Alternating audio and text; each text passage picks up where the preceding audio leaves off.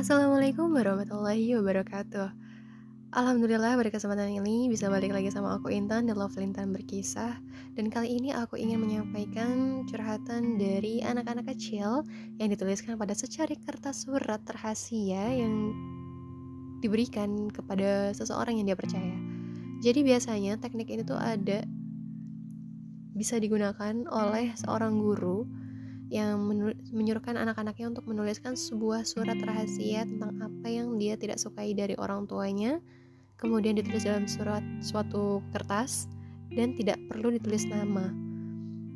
Biasanya di situ tuh anak-anak akan lebih cenderung untuk menuliskan hal-hal yang memang dia ingin katakan tapi dia tidak mampu katakan hal itu. Dan di sini aku telah memegang beberapa surat dari um, anak-anak dan ini aku memang ambil dari internet sih sebenarnya berisi tulisan tangan dari seorang anak yang memang curhat tentang apa yang dia rasakan dalam keluarga dia. Nah, seperti ini contohnya ini. Ini aku ada surat yang pertama, bunyinya seperti ini. Saya tidak suka ketika ibu saya kurang mempercayai saya, ketika saya sudah berkata jujur atau sudah berusaha Terus yang keduanya juga, saya tidak suka ketika ayah saya melontarkan amarah atau kata-kata kasar kepada saya dan kakak-kakak saya. Jadi dari surat ini anak itu tuh jujur mengatakan bahwa kondisi keluarganya memang uh, apa ya kurang mempercayai satu sama lain. Jadi biasanya uh, orang tua yang seperti ini tuh trauma akan masa lalu yang pernah dilakukan oleh si anak. Mungkin di masa lalu anak tuh pernah melakukan sebuah kesalahan yang kemudian ketika um, kesalahannya itu diulang kembali dan si anak sudah memang jujur tentang apa yang dia lakukan, biasanya orang tua pasti akan langsung berucap seperti ini misalnya ya kayak kamu bohong ya sama mama, jangan bohong ya sama mama, jangan bohongin papa loh, papa tahu, bisa suka kayak gitu. Padahal mungkin si anak udah jujur. Jadi gini, tipsnya adalah tolong percaya sama dia dan buat dia berjanji untuk tidak melakukan hal yang serupa. Kalau misalkan memang kita masih curiga dia masih melakukan kebohongan, kita bisa lakukan penyelidikan sendiri. Jangan tanya sama anak, tapi kita ikutin apa yang anak lakukan. Jadi kita tuh kayak ala-ala detektif gitulah kita mencari tahu sendiri apa yang sedang dia lakukan, apa yang sedang dia tutupi, dan kalau misalkan kita sudah menemukan buktinya, baru kita jadikan sebagai bahan introspeksi si anak. Jadi nanti si anak itu kita tunjukin nih, terus kita bilang, nih kakak ketahuan bohong sama papa, kakak jangan ulangin lagi ya, gini gini gini gini gini. Nah, dari situ anak tuh pasti akan takut untuk bohong lagi karena tahu bahwa orang tuanya juga mengawasi dia. Dan kemudian juga mungkin bisa ditanamkan kalau misalkan gini, kakak jangan bohong ya, adik jangan bohong ya sama mama karena Allah maha melihat, Allah tahu semuanya. Misalkan ya, adik bisa bohong sama mama, sama papa, tapi adik nggak bisa bohong sama Allah, Allah tahu semuanya. Bisa ditanamkan kata-kata yang memang uh, menginspirasi dia untuk bisa berubah menjadi lebih baik di ke depannya. Jangan berkata seakan-akan uh, memojokkan dia, membuat dia bosan untuk jujur. Karena kalau misalkan sudah berkata-kata yang kayak misalkan kita udah gak percaya lagi nih, biasanya tuh anak tuh bakal capek buat jujur dan kayak lebih milih buat bohong aja. Karena mau jujur mau bohong kayak sama aja gitu kan. Nah di sini tuh anak tuh mulai jadi pribadi yang nggak terbuka. Kemudian yang di bait keduanya tadi tuh si anak kan juga nulis, saya tidak suka ketika ayah saya melontarkan amarah atau kata-kata kasar kepada saya dan kakak-kakak saya. Jadi si anaknya itu sebenarnya sudah paham loh kalau misalkan kita sebagai orang tua nih misalnya um, memberikan kata-kata yang kasar kepada si anak misalkan kayak ngatain bodoh lah, ngatain anjing lah, ngatain babi lah dan sebagainya itu binatang-binatang keluar semua kalau misalkan udah kayak gitu anak tuh pasti jadi kayak ngerasa kalau dirinya tuh oh iya aku bodoh ya. Oh iya aku gini ya. Oh iya aku mirip ini ya. Jadi kayak anak-anak tuh akan merekam di memori otaknya sesuai dengan apa yang kita katakan. Apalagi itu anak masih kecil masih di rentan-rentan umur di bawah 7 tahun atau misalkan SD lah masih di rentan-rentan umur segitu. Anak-anak tuh bakal inget banget sama apa yang orang tuanya di masa depannya dia. Nah kemudian aku mau ini ya mau bacain surat yang selanjutnya. Nih ada dari surat lain tulisannya seperti ini. Aku paling tidak suka bila ibu saya berkata hebat ya kamu udah bisa nganggap mama pembantu. Di yang baris keduanya dia tulis dan aku tidak suka bila mama dan ayah sering berantem di rumah. Hmm. Jadi gini ya, kalau misalkan um, anak nih lagi berantakin berantakin rumah, terus kayak misalkan sebagai orang tua nih kita sebagai orang tua capek, jangan berkata seakan-akan ironi gitu. Ini kan ironis banget ya, maksudnya kayak uh, kebalikan banget ya kayak hebat ya kamu udah bisa nganggap mama sebagai pembantu. Itu tuh kayak menyindir tapi dengan kata yang pedas jangan salah anak tuh ngerti loh sama hal-hal yang kayak gitu kenapa nggak kita memotivasi untuk uh, biar si anak itu bantuin beresin? Biar dia bisa bertanggung jawab atas apa yang dia lakukan. Kayak misalkan ayo beresin bareng-bareng nanti mama bantu.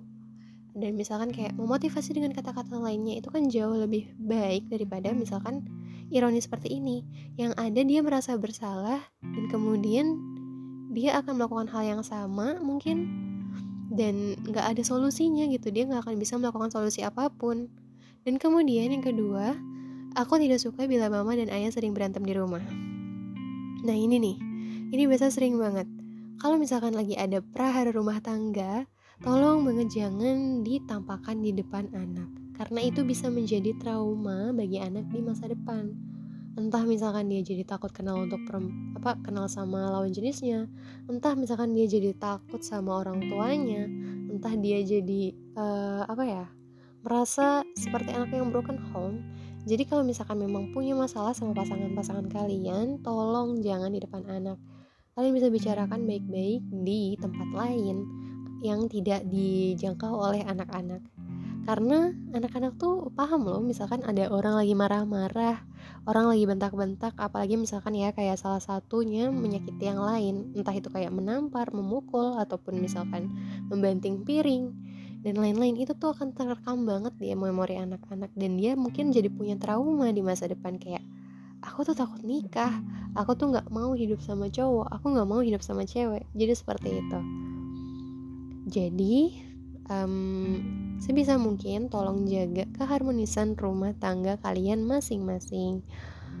Nah, mungkin ini surat terakhir yang akan aku bacakan ya. Jadi di sini ada surat yang menuliskan gini. Aku nggak suka kalau bapak ngomong, kamu goblok, kamu bego, kamu bohong, kamu bodoh. Aku nggak suka kalau temen ngomong, kamu jorok, kamu nggak kayak, eh kamu kayak anjing kamu tai kamu bego kamu tolol kamu goblok kamu bodoh dan bla bla bla bla bla bla. Terus juga ada yang bilang kayak ini si anak ini juga menulis surat aku nggak suka kalau mama ngomong dasar anak pembohong. Aku nggak suka kalau ayah ngomong dasar cengeng. Jadi gini di yang surat pertama yang barusan aku bacain yang kayak dasar kamu goblok kamu bego dan lain-lain itu adalah sebuah kata-kata yang memang sebenarnya sangat-sangat menyakitkan anak.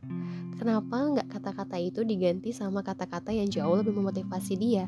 Kayak misalkan dasar pinter, dasar jago, dasar apa. Jadi kayak gimana ya kata-kata itu kan doa dan kata-kata itu terekam dalam memori anak. Kalau misalkan kita bilang dasar bodoh, itu anak bakal lebih merekam kalau misalkan oh iya aku bodoh ya, ya udahlah nggak usah belajar aja, belajar juga pasti capek oh iya aku tuh bego ya aku tuh begini gini gini gini. Jadi kayak tanamkan pada diri si anak kalau misalkan dia tuh hebat dia tuh jago dia tuh pinter. Jadi dia termotivasi untuk menjadi apa yang dikatakan orang tuanya itu. Terus juga nih kayak yang tadi ya yang case itu dia nggak suka kalau dibilang sebagai anak pembohong.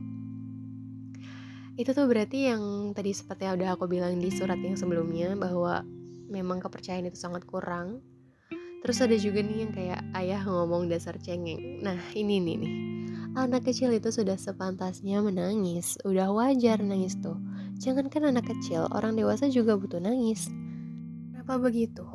Karena pada dasarnya menangis adalah salah satu bahasa tubuh ketika bibir sudah tidak mampu mengatakan apa pun. Deep banget gak sih? Tapi memang seperti itu. Kalau misalkan menangis ya biarin aja. Jangan justru malah dia lagi nangis kita berikan eh, kecaman-kecaman tertentu, tekanan-tekanan tertentu yang ada itu justru akan membuat dia semakin merasa tertekan, semakin merasa bahwa dia tidak memiliki waktu untuk mengungkapkan kesedihan yang dia punya dengan cara yang dia bisa. Ya, menangis. Jadi jangan ngatain anak cengeng kayak ya udah biarin aja gitu kalau nangis mah. Dan oh ya, ada satu hal yang pengen aku sampaikan. Ini biasa terjadi sama orang tua yang pengen anaknya tuh nggak ngelakuin sesuatu yang ditakuti sama orang tua. Contoh misalnya, um, apa ya? Di masa-masa kecilnya dia, ini si anak nih anggap aja misalkan dia sekitaran umur sekitar 2 tahun Nah dia tuh lari ke sana kemari ke sana kemari ke sana kemari. Dan ketika sedang mendekati zona wilayah yang memang uh, takut membahayakan dia, biasanya si orang tua tuh akan menakut-nakutinya dengan suatu hal. Contoh misalkan gini, ih awas ada kecoa di situ, ih awas ada cicak di situ. Nah tahu nggak sih, ternyata hal kayak gini tuh justru membuat fobia pada anak. Jadi nanti pas lagi gede dia akan takut sama kecoa, dia akan takut sama cicak, dia akan takut sama apa yang kalian kata-katakan kepada anak kalian saat itu. So, kalau misalkan ingin memperingatkan anak sesuatu, jangan dengan bahasa yang menakut-nakuti. Jangan dengan bahasa yang membuat anak itu merasa takut akan sesuatu. Dan buatlah cara lain gitu supaya si anak itu tidak melakukan hal tersebut. Misalkan bilang gini, ih sini nak mama punya kejutan gitu misalkan emang ada kejutan ya jangan bohong juga atau misalkan gini ih sini nak ngobrol sama mama yuk atau sini nak makan dulu nah jadi tuh pakai cara-cara pendekatan jujur lainnya yang tidak membangkitkan fobia pada anak. Oke okay, sampai situ jelas. Oh ya um, untuk disclaimer aja sebenarnya aku memang baru based on my experience dari uh, anak-anak sekitar yang memang pernah aku lakukan pendekatan. Dan memang jujur sampai uh, podcast ini direkam aku belum menjadi seorang ibu yang memiliki anak aku belum membesarkan anak sendiri aku belum uh, berpengalaman untuk masalah rumah tangga. Tapi apa yang aku katakan ini based on the true story karena um, di internet juga banyak sekali pengalaman-pengalaman orang tua, pengalaman-pengalaman seseorang yang mendidik anak, atau misalkan pengalaman-pengalaman dari curhat-curhatan anak ini sendiri itu justru bisa membangun wawasan kita tentang apa yang anak-anak mau, bagaimana cara pendekatan tertentu, dan itu bisa dijadikan pelajaran. Jadi, um, memang selama ini yang aku lakukan kepada anak-anak yang pernah aku lakukan pendekatan itu ini memang cukup manjur, ini cukup efektif dan ini memang bisa dijadikan sebagai bahan pembelajaran supaya anak-anak tidak memiliki eh, sifat-sifat uh, yang tidak diinginkan. Jadi, gimana cara membentuk anak itu agar lebih terbuka kepada kita, agar dia tidak berbohong tentang segala sesuatu yang dia punya? Itu semua dimulai dari cara didik kita So, mungkin uh, di podcast kali ini cukup kayak gitu dulu aja.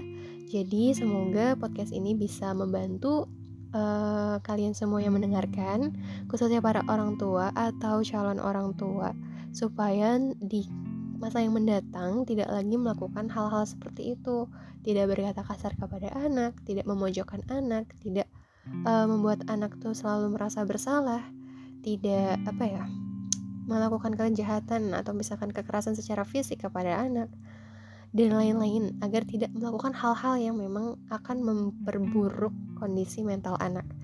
Jadi, aku harap semoga podcast ini bisa membantu dan untuk bahasan-bahasan lainnya mungkin akan aku bahas di podcast selanjutnya. Sampai jumpa di podcast selanjutnya. Wassalamualaikum warahmatullahi wabarakatuh.